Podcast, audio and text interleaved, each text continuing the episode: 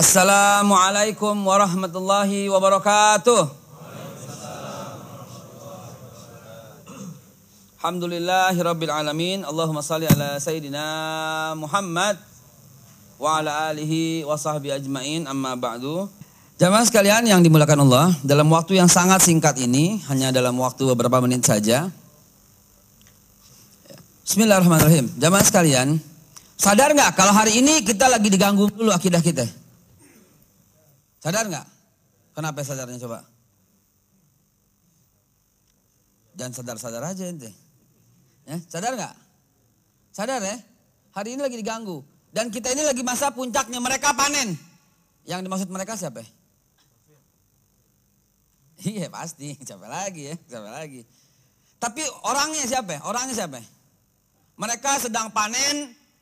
Kenapa panen? Karena setelah 40 tahun mereka berhasil meracuni akidah kita.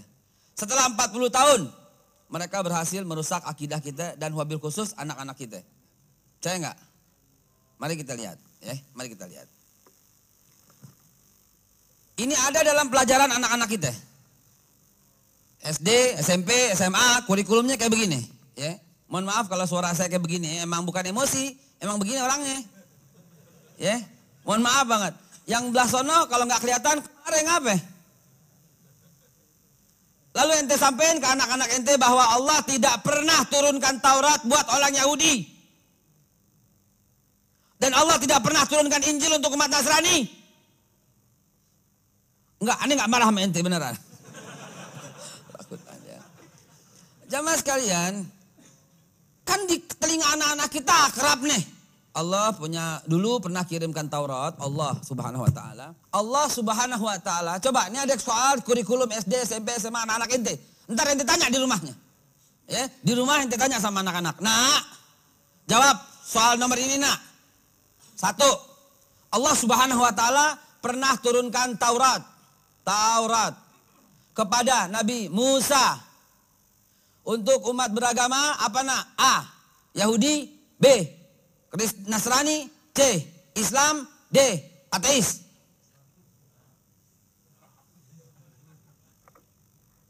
Kurikulum anak-anak kita ini jawabannya yang betul itu A. Yahudi. Yahudi. Soal nomor dua.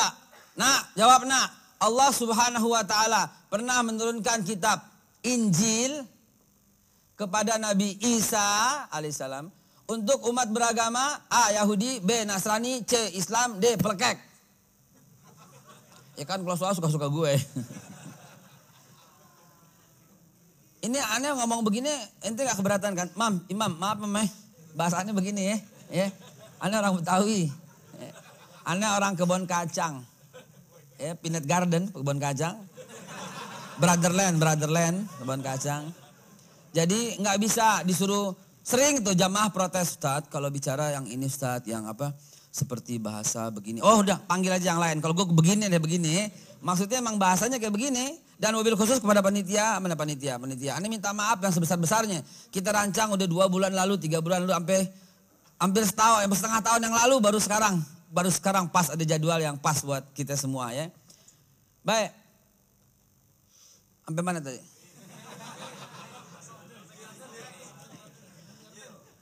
Sampai Betawi. ya. Ya begitulah ya ya ya ada orang Betawi ya, ya jadi begini bahasanya nyablak mohon maaf ya emang harus begini biar kita bisa bisa dengar gitu ya asli dari kebun kacang, bon jeruk, Dulu tempat mainnya di mari nih. Ya, jangan-jangan tanah dulu punya gue nih. Jangan-jangan ya. Belum lunas gitu ya. Pasti jawabannya Nasrani katanya anaknya. Betul? Padahal jahat nggak kayak begini? Jahat. Makanya saya bilang ini anak kita lagi diganggu akidahnya. Kalau ente mah udah banyak kajian, jadi akhirnya bisa oh meluruskan. Kalau anak-anak kita ini bagaimana? Saya sering diundang kajian oleh mereka-mereka yang berkata liberal. Kalau mereka-mereka yang berkata, banyaklah nggak usah disebut universitasnya. Nanti udah tahu lah siapa dedengkot, dedengkot, biang kerok, biang keroknya nanti udah tahu. Ya. Coba, Mereka sedang mengadakan apa? Seminar tentang agama samawi. Pernah dengar agama samawi? Agama samawi yaitu tuh. Lu fitnah Allah loh. Oh iya pernah dengar ya deh. Nggak tanggung-tanggung Allah difitnah. Yang ketiga Allah pernah turunkan Al-Quran kepada Nabi Muhammad sallallahu alaihi wasallam untuk umat beragama A. Nasrani, B. Yahudi, C. Islam, D. Ateis. Islam. Oh, jadi Musa yang bawa Yahudi. Isa bawa Nasrani. Muhammad sallallahu alaihi wasallam bawa Islam. Oh, beginikah? Begini? Kalau nggak begini salah. Betul nggak? Kurikulum kita ngajarinnya begini. Benar? Ini direkam nih. Direkam. Bilangin sama presiden. Sekalian. Bilangin sama presiden suruh cari menteri pendidikan yang benar. Loh, senokur keronya ini teori ini. Buya Hamka tahun 1963 pernah teriak bahwa ini nggak benar. Ini kalau di total, bilangan matematika, ya. Ini kalau di total, ini berarti namanya agama samawi. Yaitu Yahudi, Nasrani, Islam. Samawi dari sama. Langit. Agama dari langit. Yahudi dari langit. Yahudi dari langit. Allah turunkan Yahudi? Jawab loh. Eh jawab. Biar mencari menteri yang benar gitu loh. Maksudnya apa ini saudaraku? Maksudnya apa? Saya bersumpah demi Allah. Allah subhanahu wa ta'ala tidak pernah menurunkan agama Yahudi. Demi Allah. Allah subhanahu wa ta'ala tidak pernah turunkan agama Nasrani. Allah subhanahu wa ta'ala tidak pernah turunkan agama apa pun. Apalagi syiah. Ya apalagi si ah gitu kan. Yang yang tua aja kagak apalagi yang muda baru kemarin gitu kan. Nah, makanya akhirnya Musa, Isa, Muhammad sallallahu alaihi wasallam ini disebut agama-agama Ibrahimi. Agama Ibrahimi itu adalah agama samawi. Sehingga ketika ditanya, ketika ditanya, ente yang di sana nggak bisa lihat tulisan aneh kan? Ada. Oh, jangan suudon ente makanya gitu ya. Udah lihat kemari. Ya, lihat lagi. Ya. Akhirnya apa yang terjadi? Apa agama Ibrahim? Jawabannya apaan? Oh, Ibrahim agamanya tauhid. Ibrahim agamanya tauhid. Apa agama Ibrahim? Ibrahim agamanya agamanya Hanif. Tuh. Ya, akhirnya apaan? Kaburlah tauhid anak-anak kita. Ke mana anak-anak kita tauhidnya coba? Nggak jelas. Ibrahim dibilang agamanya Hanif.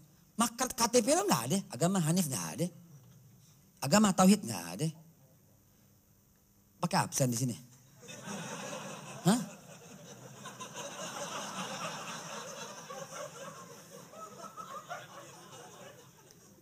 Terus tadi tukar sama makan gitu. Gue juga mau, gue belum absen. belum absen gue. Ntar begitu nggak absen nggak dapat makan siang lagi ya. Saudaraku lihat ke depan ini celaka, ini masya Allah, ini ini dahsyat, dajalnya tuh dahsyat sekali. Halus banget mainnya, halus halus halusnya sampai kita merasa kayaknya nggak apa-apa. Tapi lihat dampaknya kepada anak-anak kita. Anak-anak kita menyangka Islam agama paling belakang diturunkan. Lihat. Akhirnya apa? Dalam timeline of Abrahamic religions. Ngerti gak lo? Ya. Gak bisa gak? Cuma sekali gue gak lupa ngomong apa tadi Ustaz. Ya. Dalam timeline Abrahamic religions, lah. Itu kelihatan tuh akhirnya. Oh, lihat timelinenya, lihat timelinenya. Ah, ya. Ini kita gambar biar cepat aja. Set, set, set, set. Gitu ya. Ini 930 BC. mulainya, mulainya. Kalau yang benar. Lalu kemudian tap tap tap tap tap tap tap tap tap tap tap tap. Nah, ini 325 ya century. Ya nggak usah masehi. Lalu kemudian barulah mulai muncul ini. Ah, ah. Ini ditulis 610. Nah, ini SM. Inilah yang disebut agama, agama samawi. Lihat anak kita apa di pikiran anak kita? Oh, sama aja ya. Dari Tuhan semuanya. Ya udah kalau begitu Islam repot. Apalagi wudhunya, apalagi sholatnya. Ya udah yang seminggu sekali aja. Ya. Itu juga kalau ingat ya. Coba saudaraku, orang-orang yang pindah agama, Gak apa-apa. Orang-orang yang pindah agama diawali karena ini. Oh semuanya sama aja. Semuanya dari Tuhan. Toh kembalinya kepada Tuhan. Sama aja. Lihat. Akhirnya apa? Islam pernah 98% di Indonesia. Ya, Islam pernah 98% di Indonesia. Pada awal masa Soekarno, menjelang Soeharto. Pak Soeharto kemudian 95, kita masih ingat diumumkan 95% zaman Pak Harto. Pak Harto turun 90% dengan keberhasilan KB. ya, KB hebat telah mensedikitkan jumlah umat Islam. Ya, yang masih pakai KB tobat loh. Beneran. Ya, karena orang lain nggak mau pakai sehingga jumlahnya banyak. Jangan sikat.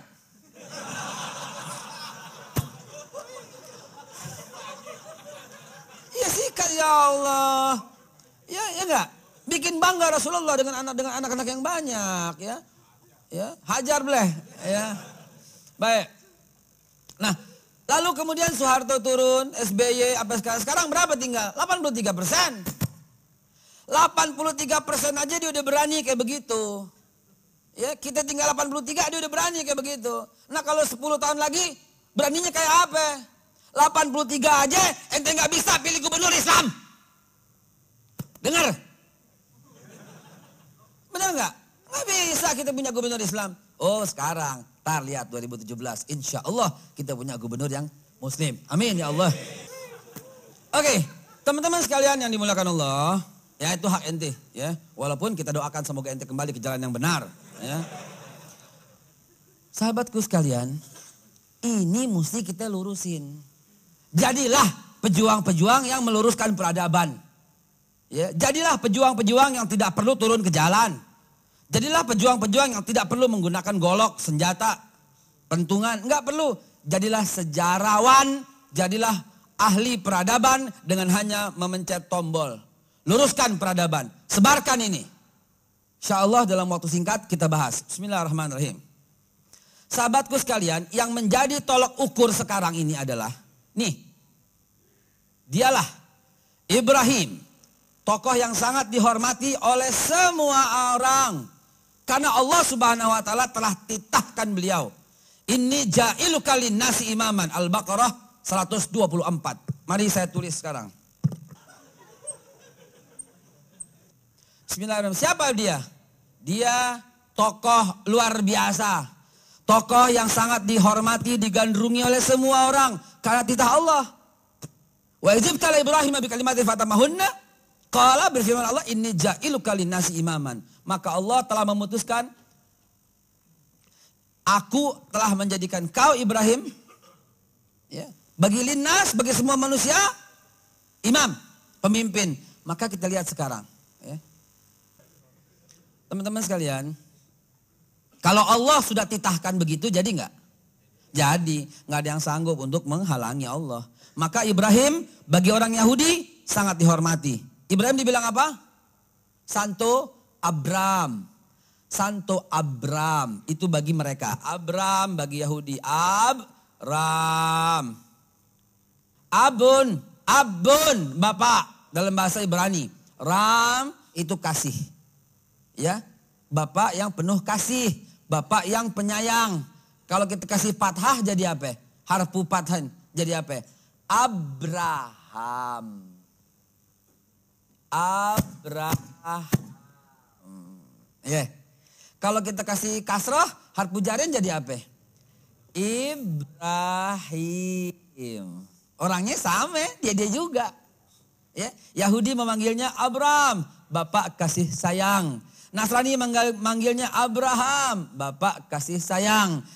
Islam memanggilnya Ibrahim, Ib Bapak Rahim yang penuh kasih sayang. Hindu manggilnya apa? Brahman. Dewa manggilnya apa? Buddha-Buddha. Brahmana dipanggil dewa. Orangnya sama Didi juga. Orang Tanah Abang manggilnya Boim. Ya. Yeah.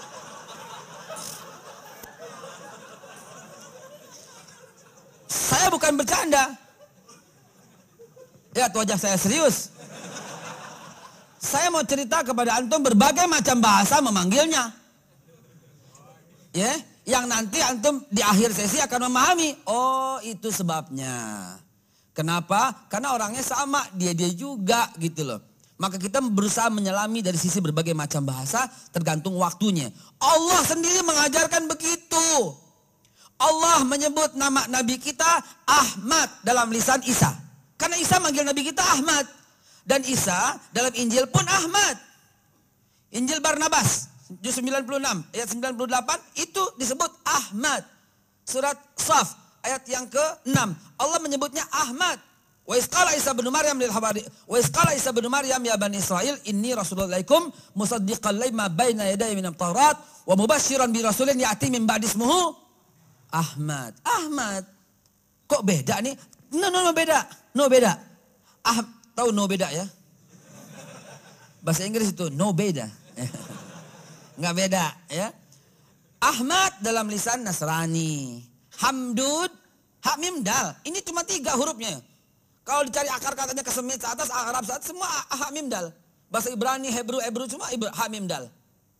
Ya, Hamim Dal. Kasih alif depannya Ahmad. Hilangin alifnya kasih sukun ujungnya Hamdud. Hamdud itu dalam bahasa Ibrani.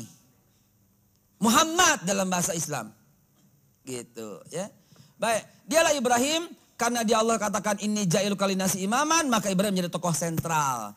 Ibrahim sendiri lahir di desa Ur, Babilonia tahun 1978 sebelum Masehi. Desanya desa Ur. Tahu ente? Ur. Desa Ur. Nama desanya Ur, nama kotanya Babilonia. Nama negaranya Mesopotamia. Tahu Babilonia? Mana? Babilonia tahu? Cideng, Cideng turun ke bawah. Belok kiri, nah, masuk tol. Keluar Babelan. Sama kan Babylon, Bablan, Babylon, Bablan. Eh. Babylon, Bablan sama ya. Irak. Allahu Akbar. Irak karena Ibrahim tulen orang Arab. Ibrahim asli Arab tulen. Jadi disebut bangsa Arab itu dari awal mulanya itu Ibrahim. Kenapa enggak Nuh? Kenapa enggak Hud? Kenapa enggak Saleh? Kenapa enggak Lut? Kenapa enggak Adam? Ada enam nabi yang wafat sebelum Ibrahim. Adam, Idris, Nuh, Hud, Saleh, dan Lut. Ini enam wafat sebelum Ibrahim. Kenapa enggak mereka yang dijadikan? Ayo, kenapa enggak Nuh? Kenapa enggak Adam? Kenapa? Maunya Allah.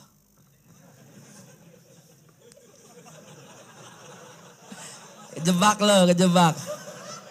Itulah orang sekarang suka ngerekayasa pikiran, ngelawan, apa ya? Karena ini, karena ini, karena ini, suka begitu. Akhirnya apaan? Quran dicocok-cocokkan dengan masalah sekarang.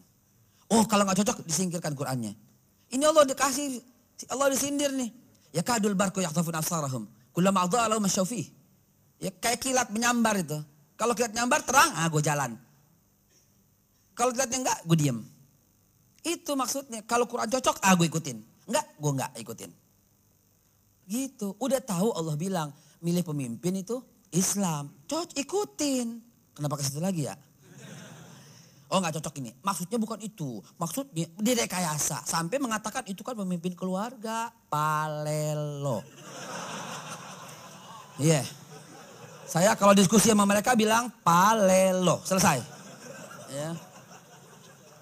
Iya dong. Kenapa babi haram? Ya Allah perintahkan haram. Dulu kita bilang mengandung cacing pita. Rebus saja 120 derajat. Siram aja sama alkohol. Mati tuh cacing pita. Jadi jadi halal gitu.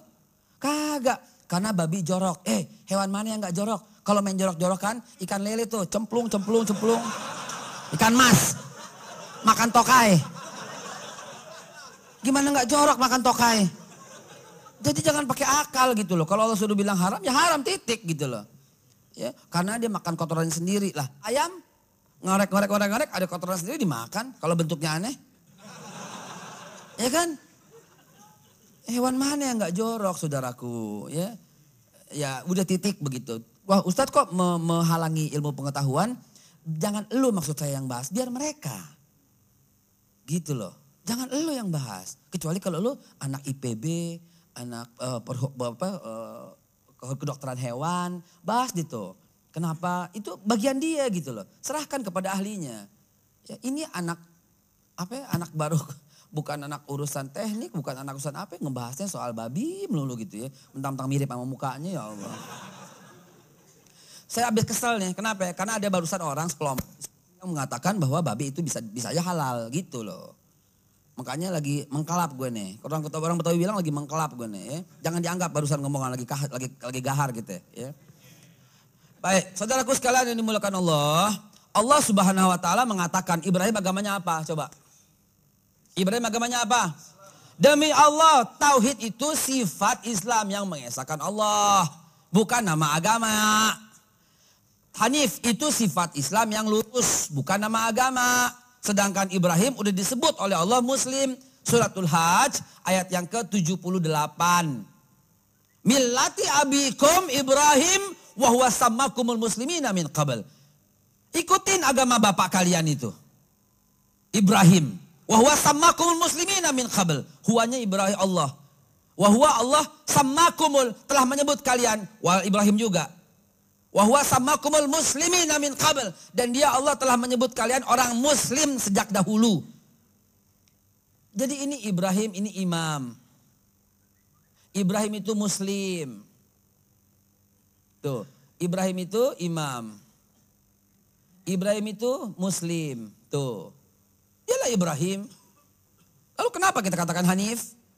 Allah udah tahu, pasti akan bertanya. Pasti kalian akan bertanya, dalam Al-Baqarah 140 Am takuluna inna Ibrahim wa Ismail wa Ishaq wa Yaqub wa Asbat kanuhu dan au nasara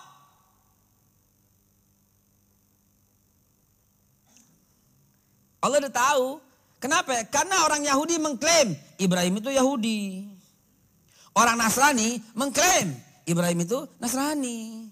Allah tanya, am takuluna, apakah kalian mengatakan Ibrahim, Ismail, Ishak, wa Yakub, wal Asbat dan seluruh anak cucunya itu kanuhu dan ada yang Yahudi.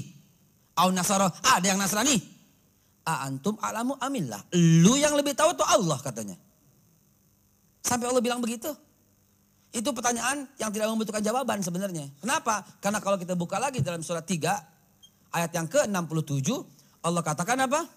Maka na Ibrahimu Yahudiyan wala Nasraniyan walakin kana hanifan muslimah wa ma kana minal musyrikin. Tidaklah Yahudi itu, eh, tidaklah Ibrahim itu Yahudi atau Nasrani, akan tapi dia seorang yang muslim. Muslim, titik. Masih ada yang ragu apa agama Ibrahim di ruangan ini? Sampaikan pada anak-anakmu. Sampaikan kepada Pak Guru, sampaikan pada Bu Guru. Ya, sampaikan. Pak, Bu, jangan ajarin anak saya agama Ibrahim itu Hanif. Jangan ajarin agama Musa itu Yahudi. Ibu ngerti nggak? Gituin. Kapan Yahudi mulai ada? Kapan Musa hidup? Ibu ngerti nggak? Musa hidup tahun 1420 sebelum Masehi, Bu. Dan Yahudi baru muncul tahun 930 sebelum Masehi. 400 tahun setelah Musa wafat, baru muncul Yahudi. Bagaimana mungkin Musa yang bawa Yahudi? Jangan sampaikan kepada anak saya Isa itu Kristen ya Bu atau Nasrani ya. Isa wafat tahun 33 Masehi dan Nasrani baru muncul tahun 325. 300 tahun setelah Isa wafat baru muncul Nasrani. Lantas ibu mau ngajarin agama Islam dibawa oleh Nabi Muhammad SAW. Betul salah? Betul subhanallah masih ada di depanku tulis.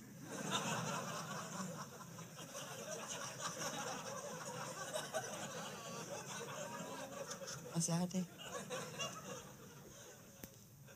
Milati abikum Ibrahim. Wahwa samakumul muslimin min qabal. Ikuti ayahmu Ibrahim. Wahwa dia Allah samakumul muslimin min qabal. Dan dia Allah telah menyebut kalian agama Islam, orang muslim sejak dahulu. Dan itu wasiat Ibrahim. Sekali lagi ayat terakhir. Ini mau ke mana? Oh duduk sini, tafadhal, silahkan. Al-Baqarah 132.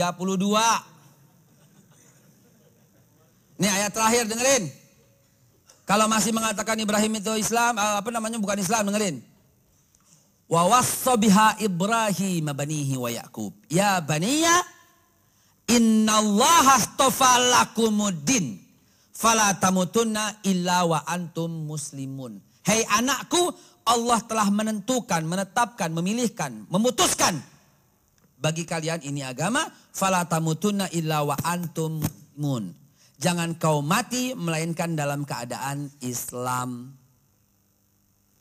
Jadi Islam dibawa oleh Nabi Muhammad. Benar salah? Benar salah? Benar salah?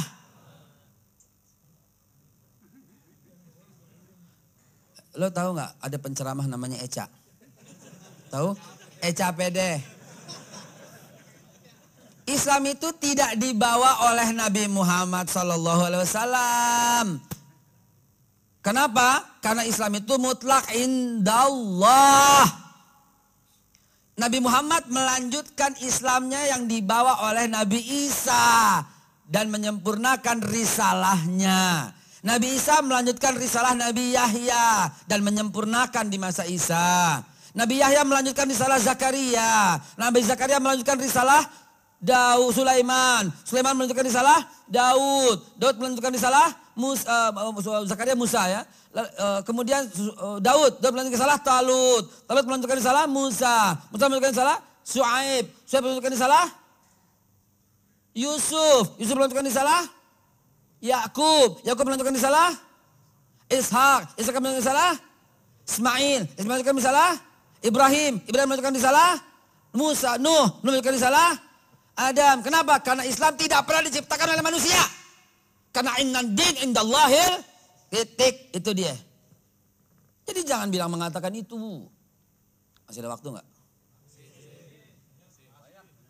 Jangan bohongin gue loh.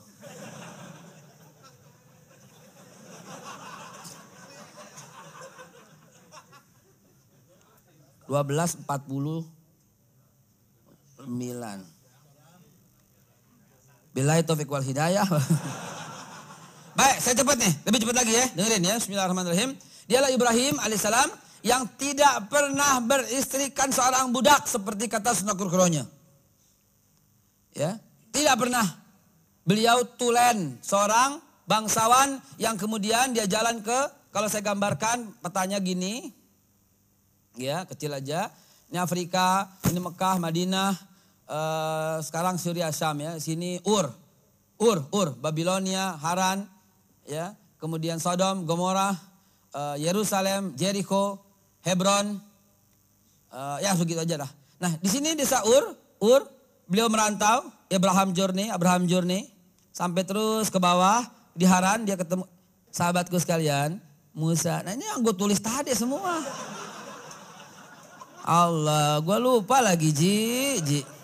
Tuh ada ayatnya lagi, Masya Allah. Tuh kan, ya. Tuh kan, timeline Abrahamic Religions. Ah, reseh aja loh ah. Ya. Oke, sampai di sini klop sama yang saya tulis, ya. Klop sama yang saya tulis. Jadi lihat di atas, Ur, Babilonia nih ya, Haran, lihat di bawah terus. Maka ketika Ibrahim alaihissalam ya menghancurkan patung Raja Mesopotamia, saya bawa ini versi internasional ya, bukan Abraha ya. Eh bukan Namrud ya, Namrud versi Islam. Versi Yahudi, Nasrani nggak kenal. Versi sejarawan nggak kenal. Dia mengenalnya Raja Mesopotamia dan dia mengenal Abraham. Saya akan bawa dalam versi itu dulu, nggak pakai ayat dulu. Ayatnya disimpan dulu. Oke? Sepakat? Sepakat? Baik, Abraham versi nasion internasional. Dia melakukan perjalanan, maka dia melakukan perjalanan, lihat Haran, maka tibalah dia di sebuah desa yang namanya Ebra. Ebra, Ebra. Di desa Ebra ini Abraham berjumpa dengan seorang yang cantik sekali namanya Sarai. Versi Yahudi. Sarah versi Nasrani. Sarah versi Islam. Saras versi Hindu. Saraswati versi Buddha. Siti Sarah orang Jawa.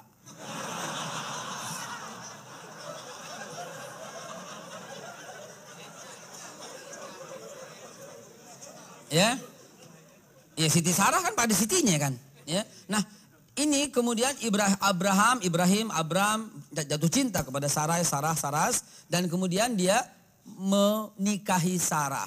Tetapi karena Abraham orang Arab tidak boleh memiliki tanah di suku Yahudi. Suku, suku bukan agama. Masih suku, bukan agama.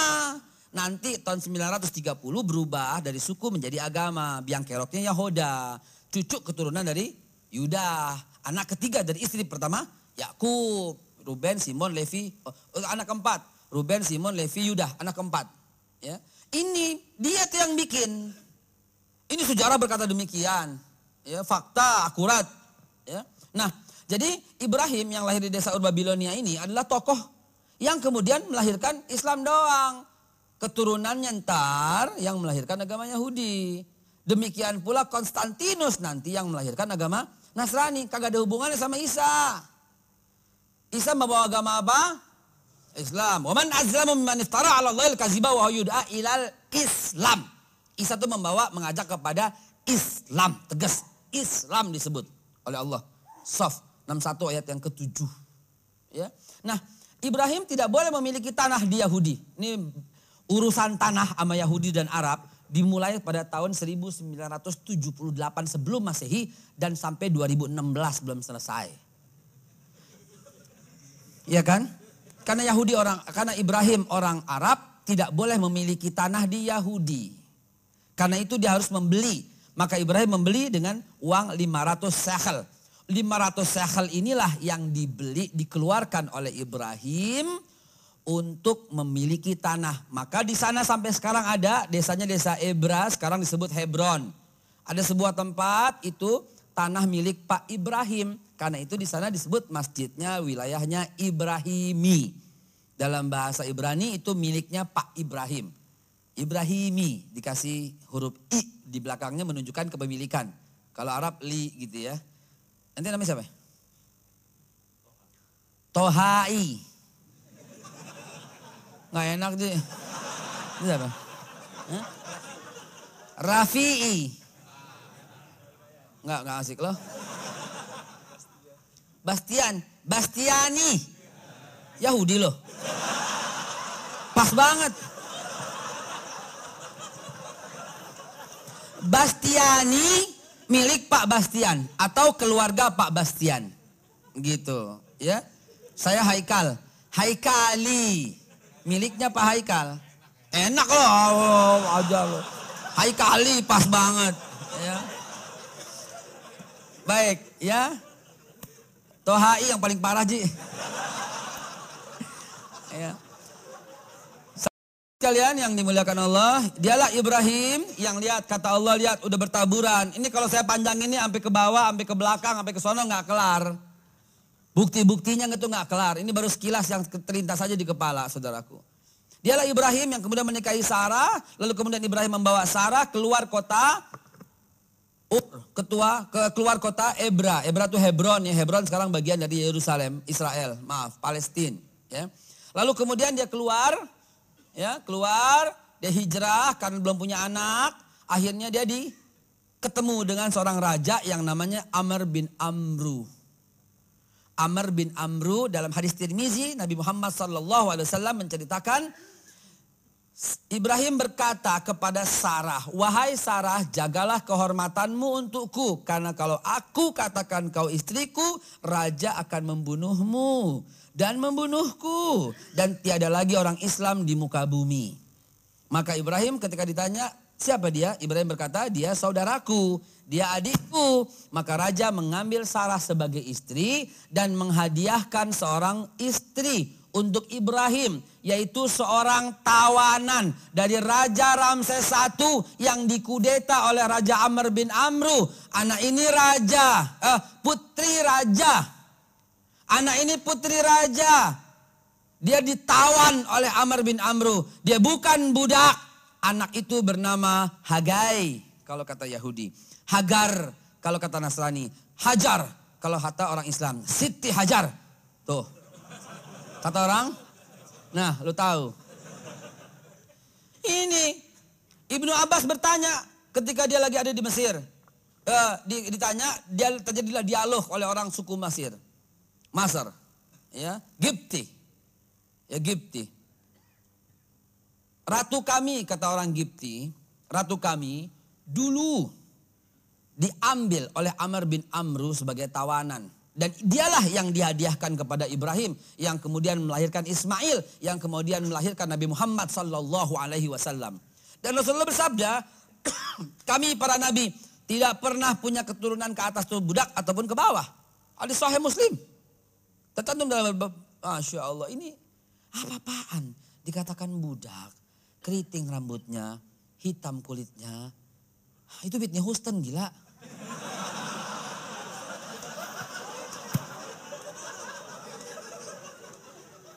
Yahudi. Kerjaan Yahudi. Jangan percayahan itu. Rasulullah menentang itu. Tidak ada kata Rasulullah keturunan budak di antara keluarga Rasulullah. Tidak ada. Allah nggak menjadikan para nabi dari keturunan budak. Enggak sama sekali. Ini Yahudi. Ini hadis Israeliat. Itu hadis Bukhari yang saya ceritakan Ibnu Abbas soal Ibnu Abbas itu. Ibnu Abbas yang berkata itu loh. Ya, bukan Habib, bukan Ustadz, bukan Kiai, bukan ulama lagi. Sahabat Rasulullah Sallallahu Alaihi Wasallam. Cucu Rasulullah Sallallahu Alaihi Wasallam. Ya, uh, ponakan, maaf, ponakan. Banyak kan abras. Di atasnya pak. Main di bawahnya aja. Ya. Abdullah bin Abbas punya ayah Abbas. Abbas itu paman Nabi Shallallahu Alaihi Wasallam, sepupu jadi maaf. Ya. Nah akhirnya Ibrahim kemudian menikahi Hajar dan lahirlah Nabi Allah Ismail. Ismail. Dalam bahasa Ibrani Ismail ini Ismail Tuhan mendengar. Il dalam bahasa Ibrani Tuhan. Dalam bahasa Nasrani Eli. Dalam bahasa Islam ilah. Bahasa Arab. Ilah. Ya, Eli sama kalau ditulis Eli, Eli. Ya, ilangin tuh il. Ya. Ganti lagi, tambah haknya dikit. Ilah, artinya semua Tuhan. Isma itu mendengar dalam bahasa Ibrani. Jadi Ismail, Tuhan mendengarkan aku. Lahirlah Nabi Allah Ismail 1881 sebelum Masehi. Lalu kemudian singkat cerita karena udah zuhur, eh udah udah jam 1, uh, Ishak, Ishak itu bahasa Ibraninya Ishakil, Tuhan menggembirakan aku 1878 sebelum Masehi, Ishak punya anak Yakub alias Israel. Yakub lahir 1828 sebelum Masehi. Yakub punya anak 12, Ruben, Simon, Levi, Yuda, Isakar, Zebulun, Gad, Akhir, dan Naftali, Yusuf, Benyamin. Anak 12 ini disebut Bani Yakub alias Bani Israel gitu loh. Ya, ini udah habis waktunya, saya potong letter aja. Singkat cerita, Yusuf kemudian jadi bendaharawan Mesir. Yusuf kemudian berjaya, punya membawa semua keturunan Ruben, keturunan Simon, keturunan Levi, keturunan Isakar, Zebulun, Gad. Semua dibawa oleh Yusuf, maka mereka jadi satu koloni besar di bawah pemerintahan Fir'aun. Fir'aun mulai gelisah karena banyak sekali suku Yahudi di sana. Bani Israel. Apa agama Bani Israel? Apa agama Bani Israel? Islam, tulen. Ya. Ya Bani Israel sekulu nikmati Allah. Wow banyak. Warkaum arrakiin itu. Wasjud masajidin itu Ibrahim. Itu Bani Israel semua. Ya pada waktu Musa Islam. In kuntum muslimin. Fatawakal Allah surat Yunus 84. Muslim tulen. Ya. Bani Israel juga yang disuruh oleh Allah dalam surat Al-Imran ayat 52. Ishadu bi anana muslimun. Kata pengikut Isa. Ya Bani Israel. Ya. Man ansari ilallah. Qala al-hawariyun nahnu ansar Allah. Fa mana ta'ifatu min Bani Israel wa kafara ta'ifah. Fa ayyadna alladzina amanu ala du'in fasbahu zahirin. Ya. Ntar terjemahnya Matoha. Inilah Bani Israel. Muslim tulen. Al-Baqarah 133, satu lagi deh. Tadinya gue udah gak mau nyebut kepanjangan nih. Al-Baqarah 133 nih, kata Yakub. Ma ta'budu min ba'di. Hei anak-anakku, kata Yakub. Apa yang kau sembah setelahku, mati. Na'budu ilahaka. Aku sembah Tuhanmu. Wa ilah abah, Tuhan bapak-bapak. Wa ilah Ibrahim, Ismail, Ishak. Tuhan Ibrahim, Ismail. Wa nahnu muslimun. Kami semua orang muslim. Gitu. Fir'aun ketar-ketir. Maka itu dia merekayasa. Gue ngimpi nih. Mau kebakaran nih Panggil ahli nujum. Nah, seluruh keturunan Bani Israel kalau lahir laki-laki mesti digitil, mesti dihabisin, mesti dibunuh. Maka keturunannya yang laki-laki dibunuh. Ada satu yang lolos. Siapa dia? Nah itu dia dari keturunan Levi. Levi punya anak Amr. Amr punya anak Kahid. Kahid punya anak Imran. Imran punya anak Musa alaihissalam. Musa bin Imran lahir 14 20 sebelum Masehi. Musa Ketika Musa disakiti oleh lima tu'zuna nih Sof ayat lima ayat, ayat lima Lima tu'zuna nih kenapa kau sakiti aku? Nih. Wa kau ta'lamuna Rasulullah. Lu kan tahu gue Rasulullah kata Musa. Kenapa sakitin aku? Lawan tuh Fir'aun. Allah jawab dalam surat Yunus 10 ayat yang ke-84. In kuntum muslimin fatawakal ala Allah. Kalau kalian orang Islam, wahai Bani Israel, tawakal sama Allah. Lawan Fir'aun nggak bisa ngomong dipanggil Rabbi srahli sadri wa yassir amri dan seterusnya masih panjang ceritanya. Lalu kemudian Musa lewat laut, Firaun lewat, Firaun di uh, ditenggelami oleh Allah. Maka Al-Baqarah 246 bercerita ketika Musa wafat, Allah bangkitkan Talut jadi raja. Talut. Ya. Talut punya anak, namanya Kahit, eh, namanya uh, Michal dan Yonatan. Ada raksasa yang besar, Jalut, ini Al-Baqarah 248 ya nggak bisa dikalahkan yang kalahkan King David kalau kata mereka yaitu Nabi Daud alaihissalam ini Talut ini 1050 sebelum Masehi lalu digantikan oleh David alias Daud 1010 eh, sebelum Masehi. Lalu kemudian Daud wafat digantikan oleh Sulaiman. Sulaiman. Tahun 600 eh, 907 eh 970 sebelum Masehi. Ini singkat aja ya udah Isa udah habis. Uh, Sulaiman Wafat digantikan siapa? Pecah dua. Ini sejarah umum yang berkata when King Solomon die, King Solomon, when King Solomon die, divided kingdom of Israel. Karena ini Al-Baqarah 247 nih. Angkat dong seorang raja buat kami. Angkat dong seorang raja. Oke, Allah mengangkat Talut, raja Israel pertama. Allah mengangkat Daud, raja Sulaiman kedua. Ini Quran, Quran. Allah mengangkat Sulaiman, hadis nggak ada Qurannya. Walaupun kalau cerita tentang Sulaiman, tapi yang menyebutkan Ismail Sulaiman raja itu hadis. Bukhari. Ya. Ini Al-Baqarah 247. Ini surat Al-Hijr. Ya, ini surat eh nah hadis. Ibrahim eh, Sulaiman berkata Nabi Muhammad berkata apa? Sungguhnya Sulaiman memerintah Israel selama 40 tahun kata Nabi Muhammad SAW. Maka pas Pas banget. When King Solomon die on 930 BC, 930 sebelum Masehi, divided kingdom of Israel, maka terbagilah dua kerajaan Israel. The first kingdom is uh, Israel who take Islam is religions and the second kingdom is Judah who take Jewish is a new religions. Lahirlah agama Jewish, Yahudi, maaf, ya di tahun 930 sebelum Masehi. Keluar dari jalur ini. Gitu. Panggil guru lo SD, SMP, SMA sudah belajar lagi. Gitu loh. Dan yang benar angkat menteri pak. Lagian kesel kita gitu loh. Coba ini ini kan umum. Seluruh dunia ngomongnya begini. Kenapa cuma di Indonesia yang beda? Karena ngambil faktornya dari snokur keraunya itu loh. Biang kerok yang akan menghancurkan Islam. Snokur keraunya ini rekayasa. Dunia mah kata begini kok. Jelas sekali. Ya. Saya sampai ke Hebrew kuliah. Israel. Orang bilang bodoh amat. Orang bilang orang sih di Saudi, orang sih di Mesir, orang di sini. Gue di Israel biarin. Ya nggak ada yang kuliah di tempat musuh gimana? Ya. Teman-teman sekalian, akhir kalam ini yang mesti kita luruskan. Dan ini baru sebagian. Nanti kita cerita abis Sulaiman sampai Zakaria. Zakaria digergaji, ngaku kena ngaku Islam oleh Yahudi. Lalu Yahya, Yahya dipenggal lehernya. Kenapa? Karena ngaku Islam oleh Yahudi. Lalu kemudian siapa lagi? Isa, Isa ngaku Islam, disalib oleh Yahudi. Ya kata mereka, kalau kita kalau ini versi mereka dulu lah.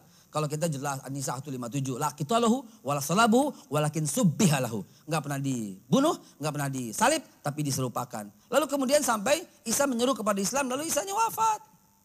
Lalu kemudian Herodes ngejar itu. Mutus Yudas Iskariot. Tangkap. Lalu kemudian turun-turun-turun tahta sampai 249 lahirlah Raja Dikianus. Ada lagi orang yang berani ngaku Islam. Mereka lah the seven sleeper yang dikejar. Dan tidur di goa. Itulah ashabul kahfi. Ketika mereka bangun, mereka lihat kalimat La ilaha illallah Isa Rasulullah. Siapa nih? Siapa nih? Siapa nih? Oh Isa yang dulu. Karena lahir Muhammad belum lahir. Gitu. Lalu kemudian muncul Dikianus Raja Kon Konstantinus bersama ibunya Ratu Helena dan penasihatnya Paulus yang muncul. Masya Allah.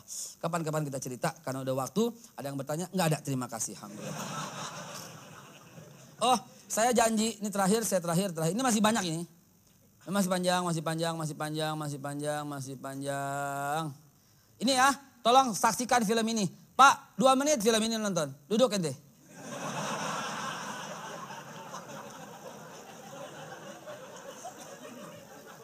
Nonton dua menit, Dua menit. Ini yang ngomong asli tulen orang Yahudi. Profesor Dr. Mose Sharon. There is a question is the attitude of Islam to history. And, in fact, juga di sana. what we find, the basic attitude is that all history is in fact an Islamic history. That means that all the major figures of history basically are Muslims. From Adam down to our own time. So if the Jews or the Christians are uh, demanding something and basing it on uh, the fact that uh, there was a king called Solomon or a king called David or, or um, a prophet called Moses or, or Jesus, then of course what they are doing, they are saying something which is not true or in fact they don't know that all these figures were basically Muslim figures. They were, in fact, since the creation of the world, there is only one religion, and this is the religion of Islam. So if anybody says, look, eh, there is a place which is connected with, uh, with Solomon, and, and that's the place where the Temple of Solomon stood, a true Muslim would tell you, yes, absolutely, absolutely right. But don't forget that, that Solomon was a Muslim. And David was a Muslim, and Abraham was a Muslim, and Isaac was a Muslim, and Jesus was a Muslim. This is what I mean by the Islamization of history. And you can understand that through Islamization of history, you've got Islamization of geography. Anywhere which was connected with these people, or with these prophets, which were all Muslims, becomes a Muslim territory. And therefore, uh, when Islam was not uh, in that area before Muhammad came to it, but it, sh it should have been there. In that area, I mean in the Middle East or other, other parts outside the Middle East, which are now Muslim parts, any place like this um, had to be, um, to be freed, not to be conquered, had to be liberated. So Islam appeared in history in the time of Muhammad, or reappeared in history from their point of view, reappeared in history as a liberator. And therefore there is no, no Islamic occupation. If somebody occupied anything, it would be always somebody else, not the Muslims. So there is no Islamic occupation, there's only Islamic liberation. Assalamualaikum warahmatullahi wabarakatuh.